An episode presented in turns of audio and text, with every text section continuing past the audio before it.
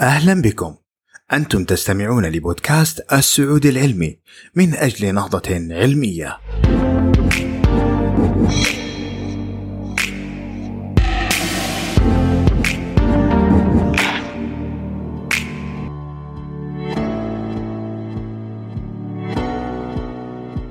قم بعد خطواتك. اذهب إلى النادي الرياضي. واستعمل الدراجة في طريقك إلى العمل. فإذا جربت أن تخسر بعض الوزن من قبل فإنك تعلم أنه من المهم أن تتحرك. ولكن مع كل هذا التركيز على ممارسة الرياضة لحرق ما نأكله. يقول الخبراء أننا غفلنا عن المشكلة الحقيقية وهي ما نأكله.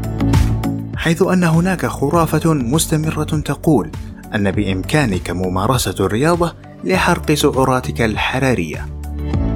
في الواقع بينما تعد الحركة مهمة لمزاجك ولصحتك العامة إلا أنها عموما لا تؤدي إلى فقدان سريع للوزن ومن الناحية الأخرى يمكن لتغيير حميتك الغذائية بنجاح أن يؤدي إلى ذلك. من الأفضل أن تركز على عمل تغييرات تدريجية على حميتك الغذائية مثل أكل المزيد من الخضروات والتقليل من الكربوهيدرات المكررة إن أحد الأسباب للعب الحمية الغذائية هذا الدور الهام في فقدان الوزن هو أن ممارسة الرياضة تحرق سعرات حرارية أقل بكثير مما يعتقده معظم الناس.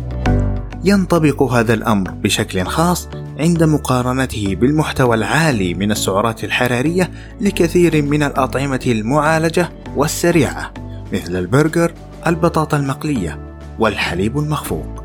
ويمكن لمعظم وجبات الأطعمة السريعة الكلاسيكية أن تصل إلى آلاف السعرات الحرارية متجاوزة الكمية التي يحتاجها معظم البالغين في اليوم أحيانا.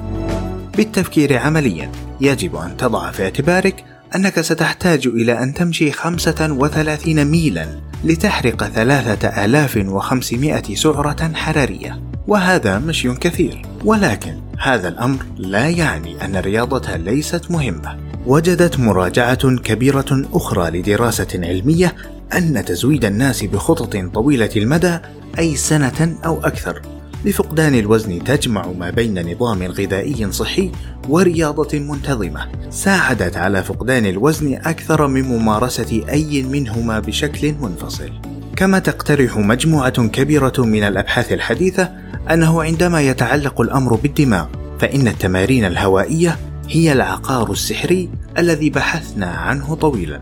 ترتبط التمارين الرياضية بتعزيز الحالة المزاجية، وتحمي أيضا من التغيرات المتعلقة بالشيخوخة، وقد تساهم في تحسين الذاكرة. وبينما قد لا تكون التمارين الرياضية المفتاحة لخسارة الوزن إلا أنها مهمة للصحة بشكل عام، وخاصة الصحة العقلية.